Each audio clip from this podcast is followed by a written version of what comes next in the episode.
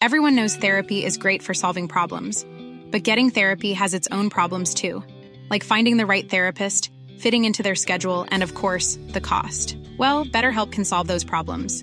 It's totally online and built around your schedule. It's surprisingly affordable too. Connect with a credentialed therapist by phone, video, or online chat, all from the comfort of your home. Visit betterhelp.com to learn more and save 10% on your first month. That's BetterHelp H E L P. This Mother's Day, celebrate the extraordinary women in your life with a heartfelt gift from Blue Nile. Whether it's for your mom, a mother figure, or yourself as a mom, find that perfect piece to express your love and appreciation. Explore Blue Nile's exquisite pearls and mesmerizing gemstones that she's sure to love. Enjoy fast shipping options like guaranteed free shipping and returns. Make this Mother's Day unforgettable with a piece from Blue Nile. Right now, get up to 50% off at BlueNile.com. That's BlueNile.com. Hej och välkommen tillbaka till Storytime.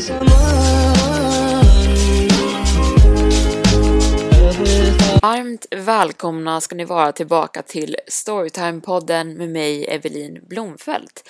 Idag har vi en väldigt intressant berättelse om en väldigt gammal man som gjorde väldigt dåliga beslut när han var yngre. Vi ska sätta igång med en gång. Glöm inte bort att följa podden där du lyssnar på den så att du inte missar nya uppladdningar, nya avsnitt helt enkelt. Jag laddar ju upp varje onsdag och söndag just nu. Men nu kör vi igång. För ungefär åtta år sedan så dog min gammelfarfar Everett. Och först kanske ni tänker att det kanske inte är så märkligt att en gammelfarfar till slut går bort. Men ni förstår, han blev 126 år gammal. Guinness rekordbok publicerade honom de senaste nio åren som den äldsta mannen vid liv på planeten. Men vad som gjorde hans bortgång så unik för just mig var att jag träffade honom bara en enda gång och det var dagen han dog. Min pappa hade slutat prata med honom för ungefär 40 år sedan och jag hade aldrig fått träffa honom tidigare. Jag visste typ ingenting om honom förutom att pappa och han var osams. Därför blev jag väldigt förvånad när Everett delade med sig av sin berättelse på sin dödsbädd till just mig. Pappa körde i tystnad. Pappa greppade i ratten så hårt så hans knogar började bli vita och han var uppenbart någon helt annanstans i sina tankar. Mamma satt i passagerarsätet och då och då vred hon sig om mot pappa och la sin hand på hans axel för att trösta honom.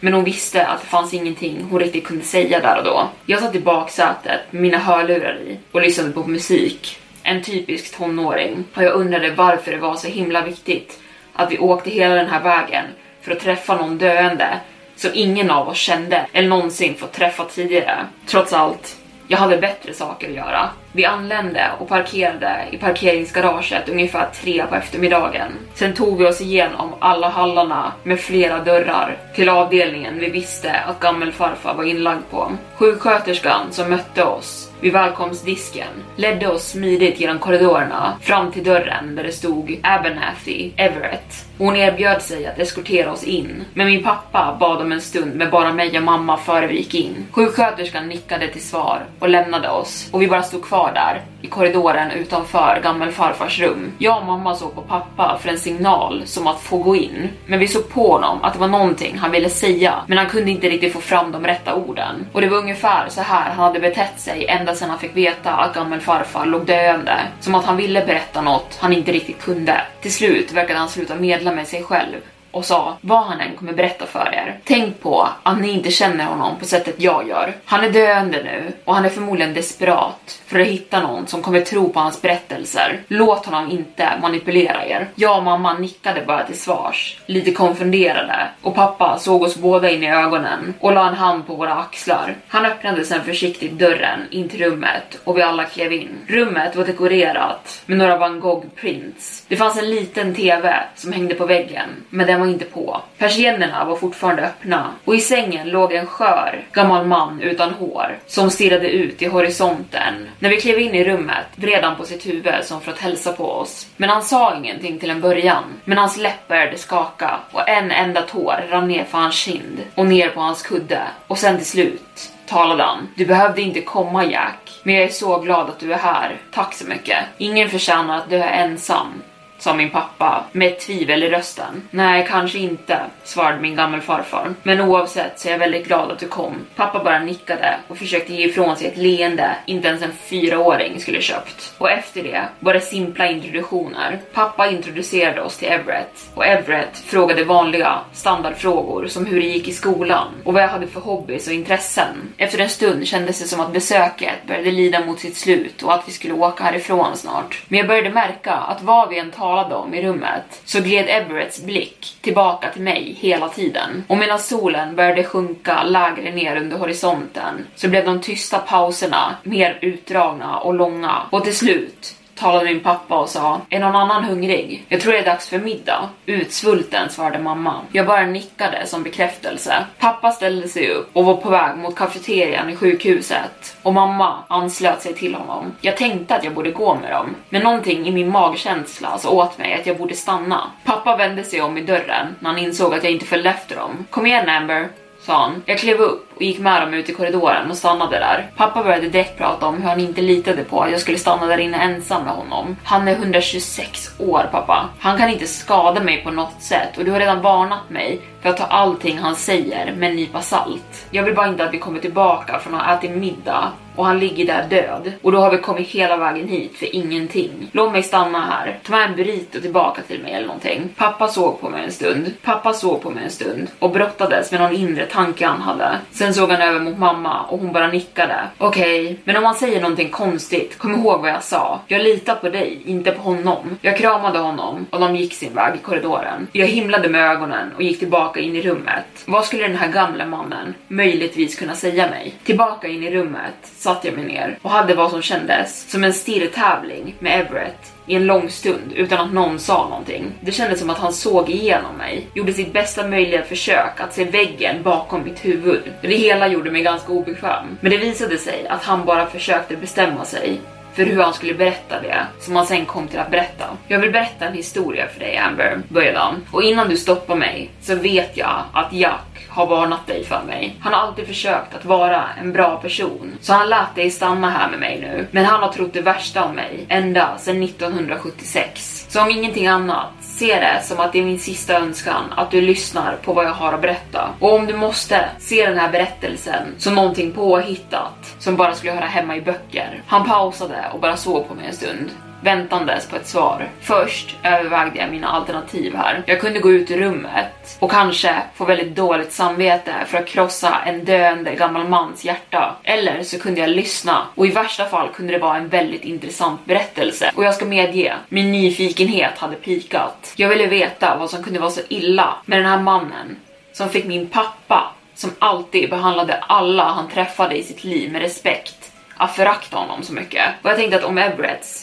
berättelse kunde informera mig lite mer om varför saker var som de var så var det värt att lyssna. Kör på, sa jag. Det var 1903. Jag var en ung man, blott 16 år. Jag är född och uppväxt i New Jersey, i en stad som heter Leeds Point. Nu är det bara ett litet ställe bredvid motorvägen. Men 1903 upplevde jag någonting där som jag inte har talat om till denna dag med någon annan än min son Oliver som dog 1984 och Jack din pappa. Jag bryter min tystnad nu bara för att det är dags för mig att betala tillbaka skulden som jag är skyldig. Det var sommaren 1903. Jag var 16 år gammal och de enda sakerna jag brydde mig om i världen var en tjej som jag träffade som bodde gatan bredvid och vart min nästa betalning skulle komma ifrån. På min fritid brukade jag vandra mycket i skogen, jaga ekorrar och fiska nere i bäcken på marken min pappa ägde. Ibland brukade jag och Abigail gå tillsammans och vi brukade klättra upp i de enorma tallarna och spendera eftermiddagen där tillsammans. Ibland brukade jag stjäla en kyss från Abigail och hon brukade förnittra. Nu för tiden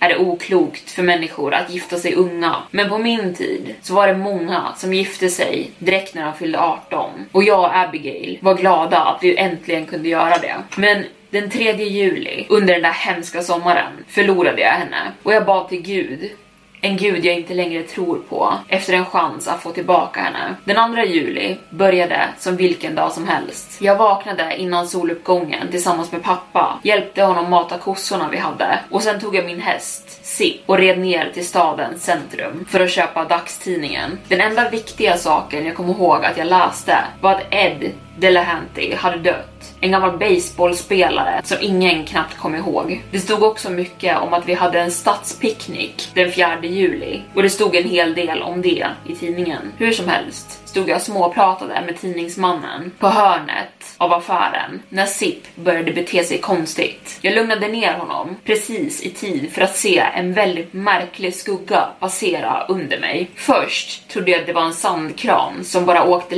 lägre ner än vad de brukade göra i det här området. Men sen såg jag uppåt mot himlen och såg någonting extremt stort. Den flög förbi precis framför solen och jag kunde inte se mycket mer än en siluett. Men det såg ut som en av de där hästarna som har vingar. Som i mytologi, en Pegasus tror jag att de heter. Och jag vet att det låter superbarnsligt nu när jag säger det. Men jag vet vad jag såg. Mannen jag hade stått och talat med såg den också och vi såg på varandra med en vad i helvete var det där blick och sen tillbaka upp mot himlen. Då var den borta redan. Vi såg över hela horisonten men fick inte syn på den någonstans efter det. Jag kommer inte riktigt ihåg vad mannen sa till mig efter det, men det var någonting om att han behövde ta sig hem. Jag galopperade Sipp hem, försiktig om att inte trötta ut honom för mycket eftersom att det var extremt varmt den sommaren. Jag stannade vid Abigails hus eftersom att det var på vägen hem och jag ville fråga henne om hon hade sett det också. Men efter att hennes mor hade bjudit in mig på en bit paj berättade hon att Abigail inte var hemma. Hon hade dragit iväg för att plocka björnbär i skogen. De skulle vara till stadens picknick. Jag tackade för pajen och sen begav jag mig hemåt. När jag väl kom hem berättade jag för min far vad jag hade sett och han skrattade med ett sånt där dovt, tomteliknande skratt. Sen sa han att jag bara hade spenderat för mycket tid ute i solen och fått solsting eller någonting. Jag gick och la mig den kvällen och kände mig ångestladdad. Det var inte heller många dagar under sommaren jag inte såg Abigail på en hel dag och på det så såg jag verkligen någonting i himlen. Men jag försökte övertala mig själv om att pappa hade rätt. Det att jag bara hade spenderat för mycket tid ute i solen och fått lite solsting och börjat se saker som inte riktigt fanns där. För du måste förstå att demoner och övernaturliga fenomen var en omöjlighet på den tiden. Vetenskapen och medicinen hade inte kommit långt överhuvudtaget och folk trodde fortfarande att ett spöke kunde vara en kall bris på vägen. Och för att nämna, jag var en väldigt nyfiken grabb i naturen och jag ville veta vad jag hade sett. Det kändes som att jag bara hade sovit i några minuter när pappa kom in i mitt rum med ett tänt ljus i sin hand och väckte mig. Jag fick en känsla direkt av att någonting inte stod rätt till och jag hörde röster komma från köket i huset. Pappa såg väldigt allvarlig ut. Jag klev upp ur sängen, drog på mig kläder och mina stövlar och sen gick jag ut i vardagsrummet utanför. Abigails mamma satt i våran gungstol med ansiktet begravt i sina händer och grät. Några fler män från staden hade samlats ute på våran veranda och de talade i viskningar. Jag kunde se att någon av dem hade tagit med sig en Remington. Abigail kom aldrig hem ikväll, viskade min pappa till mig medan jag klev ut på verandan. Mitt hjärta flydde nästan min bröstkorg när jag började gå igenom alla ställen där de kunde befinna sig. Men enligt klockan i vardagsrummet var klockan nästan två på natten och Abigail var inte den typen av person som gjorde någonting sånt här eller var olydig mot sin mamma. Hennes pappa Gud bevara honom, hade uppfostrat henne bra. Och när han dog i en järnvägsolycka så hade det tagit riktigt hårt på henne. Hon följde alla hans regler som ett sätt att bevara hans minne. Det var extremt olikt henne att befinna sig ute så här sent om hon inte var med mig eller min pappa. Jag såg åt männen att det enda stället jag kunde tänka mig att de skulle befinna sig var björnbärsbuskarna ute vid Briar Creek där jag och hon brukade fiska ibland. Och utan någon annanstans att börja leta så klev alla männen upp på sina hästar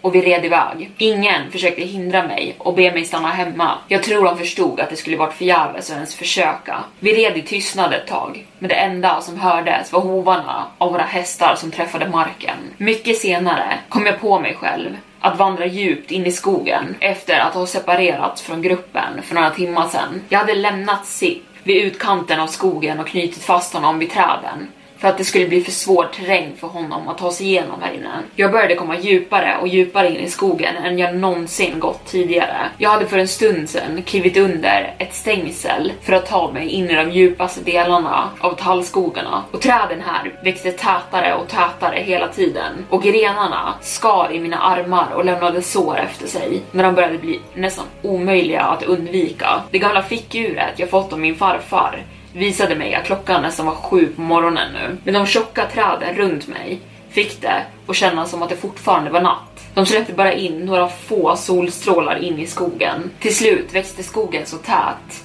så det var omöjligt för några andra växtligheter att växa runt om dem. Jag kände en lättnad över att slippa alla taggbuskar som jag stött på tidigare. Men det var då jag såg den underligaste saken. Träden öppnade upp sig till en liten glänta, en cirkel full av dött gräs och i mitten av cirkeln stod ett extremt tjockt träd av en sort jag aldrig hade sett tidigare i mitt liv och aldrig sett efter detta. Det såg ut som ett ekträd, men det var inte rätt höjd för sin tjocklek. Fem män skulle kunna stått runt det och försökt hålla hand och misslyckats för att det var så himla tjockt. Och de lövlösa grenarna hängde ner så lågt mot marken så jag kunde sträcka mig upp och röra dem. Trädets krona sträckte sig så brett över gläntan så att inget solljus kunde ta sig in och jag hamnade helt i dess skugga desto närmre jag kom. Men det här var inte vad som fångade min uppmärksamhet. Nej, det som fångade min uppmärksamhet var ett stort hål i marken under trädets rot. Abigail hade berättat historien om Alice i Underlandet och hur hon föll ner i ett stort kaninhål i marken. Det här hålet var definitivt stort nog för Alice, förmodligen till och med för en häst. Men jag hade inte lust att ta mig ner där för att ta reda på vad det ledde till. Och desto närmre jag kom hålet, desto mer kunde jag höra som ett dovt surrande, som ett getingbo. Så jag tog mig nära nog att se ner i hålet, men jag gick inte närmare än så. Och det surrande ljudet kom definitivt definitivt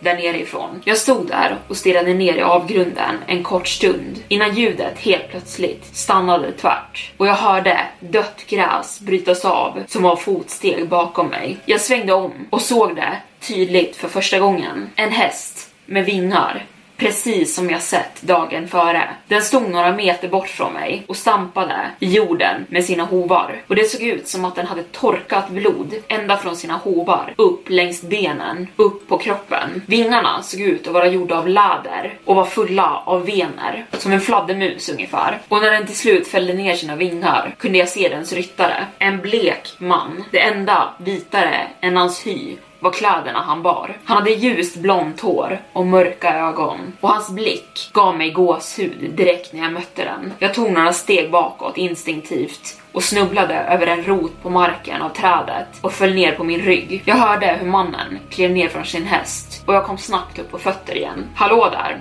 sa han i en röst lika Ready to pop the question? The jewelers at BlueNile.com have got sparkle down to a science with beautiful lab grown diamonds worthy of your most brilliant moments. Their lab grown diamonds are independently graded and guaranteed identical to natural diamonds, and they're ready to ship to your door. Go to BlueNile.com and use promo code LISTEN to get $50 off your purchase of $500 or more. That's code LISTEN at BlueNile.com for $50 off. BlueNile.com code LISTEN. Hey, it's Ryan Reynolds, and I'm here with Keith, co star of my upcoming film, If, only in theaters, May 17th. Do you want to tell people the big news?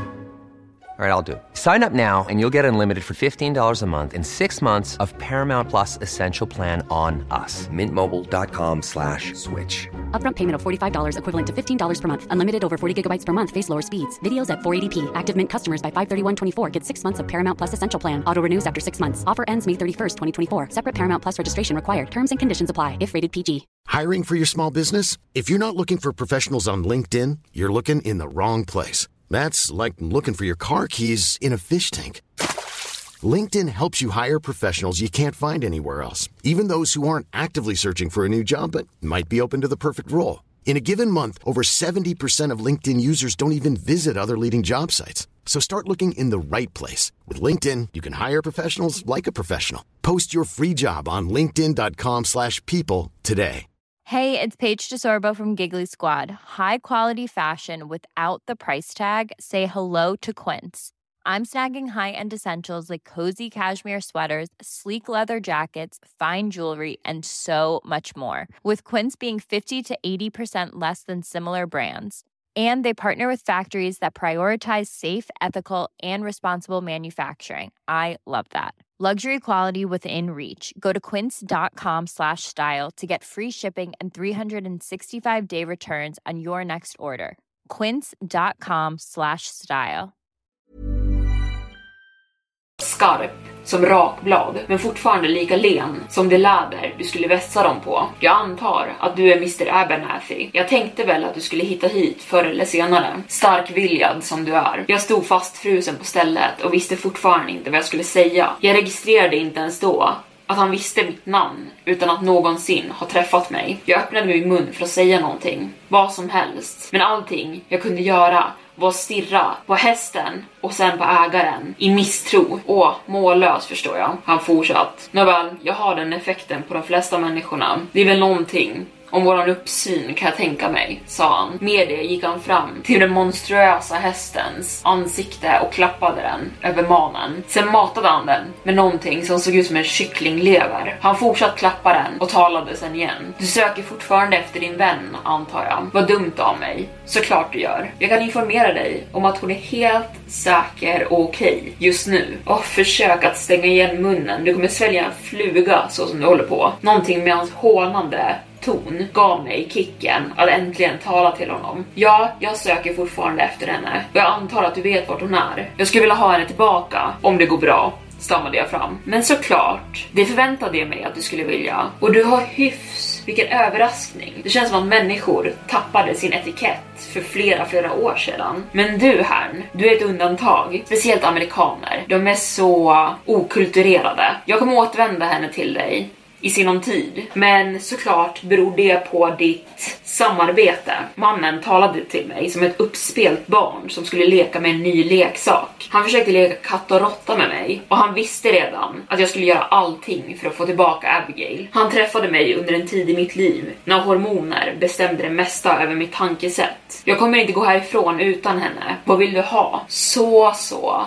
Tappa inte humöret nu Mr Abernathy, eller så kommer resultatet av den här förhandlingen inte gå som du vill. Så back to business. Allt jag ber om är din projektion, eller som andra människor kallar det, din själ. Oh, jag ser rädsla i ditt ansikte. Men oroa dig inte. Det är en helt smärtfri process. Det kan jag försäkra dig om. Och du kommer inte förlora din själ just nu. I verkligheten kommer du bara ge mig ett intyg som ett kontrakt till rättigheterna när du utgår. Han skrattade lite för sig själv åt sitt ordval och mina tankar skenade iväg. Hur tänkte den här mannen ta ifrån mig min själ? Kunde han faktiskt göra det? Först tvivlade jag på det, men sen såg jag tillbaka mot hans monstruösa husdjur. Någonting som där har jag bara läst om i grekisk mytologi och någon som bara larvade sig och lurade människor på att de skulle ta deras själ skulle inte möjligtvis kunna ha ett sånt djur. Jag tänkte noga över mina ordval näst. Så du vill ha min själ? frågade jag. Och han nickade bara till svars med ett uttryckslöst ansiktsuttryck. Den kommer helt enkelt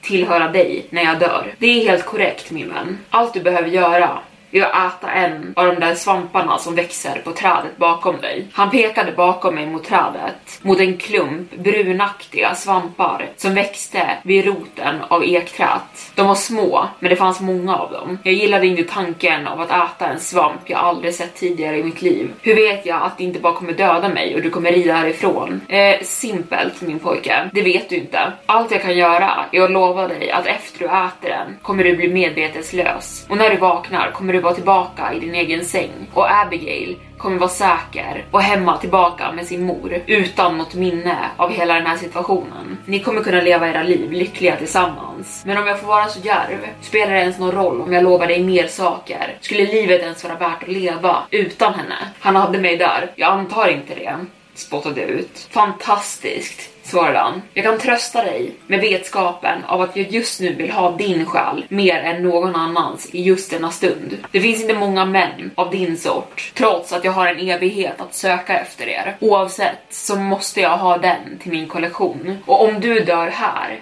vem vet vart din själ kommer ta vägen då? Jag behöver ta kontroll över den innan du dör. Som du är snäll, sa han och pekade mot högen av svampar vid trädroten och jag gick fram till dem medan jag funderade på situationen jag just nu befann mig i. Det verkade så enkelt. Äta en svamp, få tillbaka Abigail. Än sen om jag gav upp min själ. Det var värt det för att rädda min tjej. Jag sträckte mig ner och försökte hitta den minsta svampen jag kunde i högen. Jag plockade upp en och efter en minut eller två fann jag äntligen modet att stoppa den i munnen och tugga den. Den kändes slimig och ovanligt kall för hur varmt det var utomhus. Jag såg mot mannen. Han stod nu ännu en gång och ryktade sin häst medan jag fortsatte tugga, svalde bit för bit så fort jag bara kunde för att bli av med den hemska smaken i min mun. Och det sista jag minns innan jag däckade var den bleka mannen som såg på mig som ett lejon såg på ett lamm med ett bländande leende på sitt ansikte. Jag vaknade morgonen därpå i min egen säng, precis som han hade sagt. Jag sköt upp och såg över rummet, fundersam över hur jag ens hade tagit mig hit. Sen mindes jag direkt mannen och hans monstruösa häst. Det måste ha varit en dröm, mumlade jag för mig själv. Men jag hade fortfarande smaken av svampen i min mun. Jag klädde på mig och försökte komma fram till vad som hade hänt. Till slut drog jag på mig stövlarna och skyndade mig ut ur huset för att hitta min pappa. Han var inte hemma, så jag lämnade gården och drog iväg mot Abigail. Hon satt på framsidan av sitt hus och gungade sakta i gungan medan hon hummade och läste en bok. Mitt hjärta hoppade över ett slag när jag såg henne. Jag frågade henne aldrig om vad som hade hänt eller vad hon mindes. Hon bara berättade för mig att hon hade somnat intill ett träd, vaknat några timmar senare och vandrat hem. Förvånad över vilken stor grej det hade blivit. Och hennes mamma hade varit så lättad över att hon kom hem att hon knappt hade skällt ut henne. Och när jag träffade min pappa så talade han om för mig att sökandet hade avslutats när hon hade kommit hem och jag hade kommit hem några timmar senare, inte sagt ett ord och bara gått och lagt mig. Abigail och jag gifte oss två år senare och till slut slutade jag tänka på den dagen i skogen och gläntan. Men direkt efter började många människor prata om vad de hade sett på himlen den dagen och fenomenet som hade passerat på himlen. Det spred sig över hela New Jersey, men jag höll tyst, alldeles för rädd för att någonsin tala om det igen. Jag och Abigail fick sju underbara barn, tre pojkar och fyra tjejer och jag blev väldigt bra på att avla hästar och tjänade väldigt bra pengar på det. Vi var lyckliga i nästan 15 år tills dagen kom när sheriffen dök upp utanför vårt hem med våran äldsta sons hatt han hade varit ute och sålt dagstidningen precis som han brukade när han hade råkat tappa några av dem. Flera av dem hade flugit iväg och han hade jagat efter dem och inte sett sig för vart han sprang. Utan att märka det hade han råkat springa fram till en av stadens djupaste, äldsta brunnar och fallit i. Hans hatt hade trillat av medan han gjorde det. Hans nacke hade brutits av fallet. En hemsk olycka talade de om för mig. Jag och min fru tog det här väldigt hårt. Det tog oss nästan två år att ens komma tillbaka till någon slags normalitet. Och precis när saker verkade återgå till någonting normalt så dog våran näst äldsta och jag skulle föredra att inte berätta hur han dog ens. Och jag tänker göra resten snabbt. Resten av mina och Abigails barn dog en för en. Alla förutom din farfar. Varje död var mer våldsam och hemsk än den före och allting skedde inom de kommande tre åren. Vi gick igenom vad inga föräldrar borde gå igenom. Att behöva begrava våra barn. Jag började misstänka att jag hade gått med på någonting riktigt hemskt i skogen den dagen ungefär när mitt andra barn dog. Och vid laget på den sjätte barn dog hade jag bestämt att jag skulle hoppa av bron ner i dammen. Jag kom så långt som till vägen mitt emot den, men sen kunde jag inte genomföra det på grund av Abigail. Hon hade gått igenom minst lika mycket som jag och hon var så stark. Det var inte rättvist av mig att ta den här utvägen och lämna henne. Och sen dagen jag fyllde 45 år åkte Abigail in till läkaren för att hon kände sig orkeslös. Alla läkare i New Jersey visste att det var ett blodproblem, men de kunde inte hitta exakt vad som var fel. Allting de försökte göra för att göra henne bättre hjälpte ett tag, men inte länge. Till slut blev alla metoder helt värdelösa. Hon kämpade mot det i 11 år och några dagar var Abigail helt som vanligt men andra låg hon i sängen och grät ut efter sina döda barn. Det förfärade mig och det var hemskt att se henne på det sättet med vetskapen varje sekund att det var mitt fel. Hon led tills hon var 54 år gammal och sen till slut gick hon bort. Så här är jag, 126 år gammal. Jag har sett alla mina barn förutom ett gå hemska öden till mötes och sett min enda kärlek kämpa för sitt liv mot mörkret i ett årtionde. Jag har sett saker ingen far eller make borde behöva se och någonting har hållit mig vid liv så här länge för att jag ska behöva återuppleva det varje natt. Jag behöver bara att någon vet vad som faktiskt hände den där dagen för så många år sedan. Jag såg ner i det där hålet vid trädroten och såg ner i helvetet själv. Sen vände jag mig om och gjorde en deal med den som styr där nere. Jag bara stirrade tomt på Everett i några sekunder efter det utan att säga någonting. Vad sjutton var det där för story? Förväntade han sig att jag skulle köpa det här? Hade han blivit förvirrad av gammal ålder? Eller var allt en metafor för någonting? Oavsett så pushade jag de tankarna längre bak i mitt huvud. Så vad har det här med min pappa att göra? frågade jag. Visst, alla förutom farfar dog.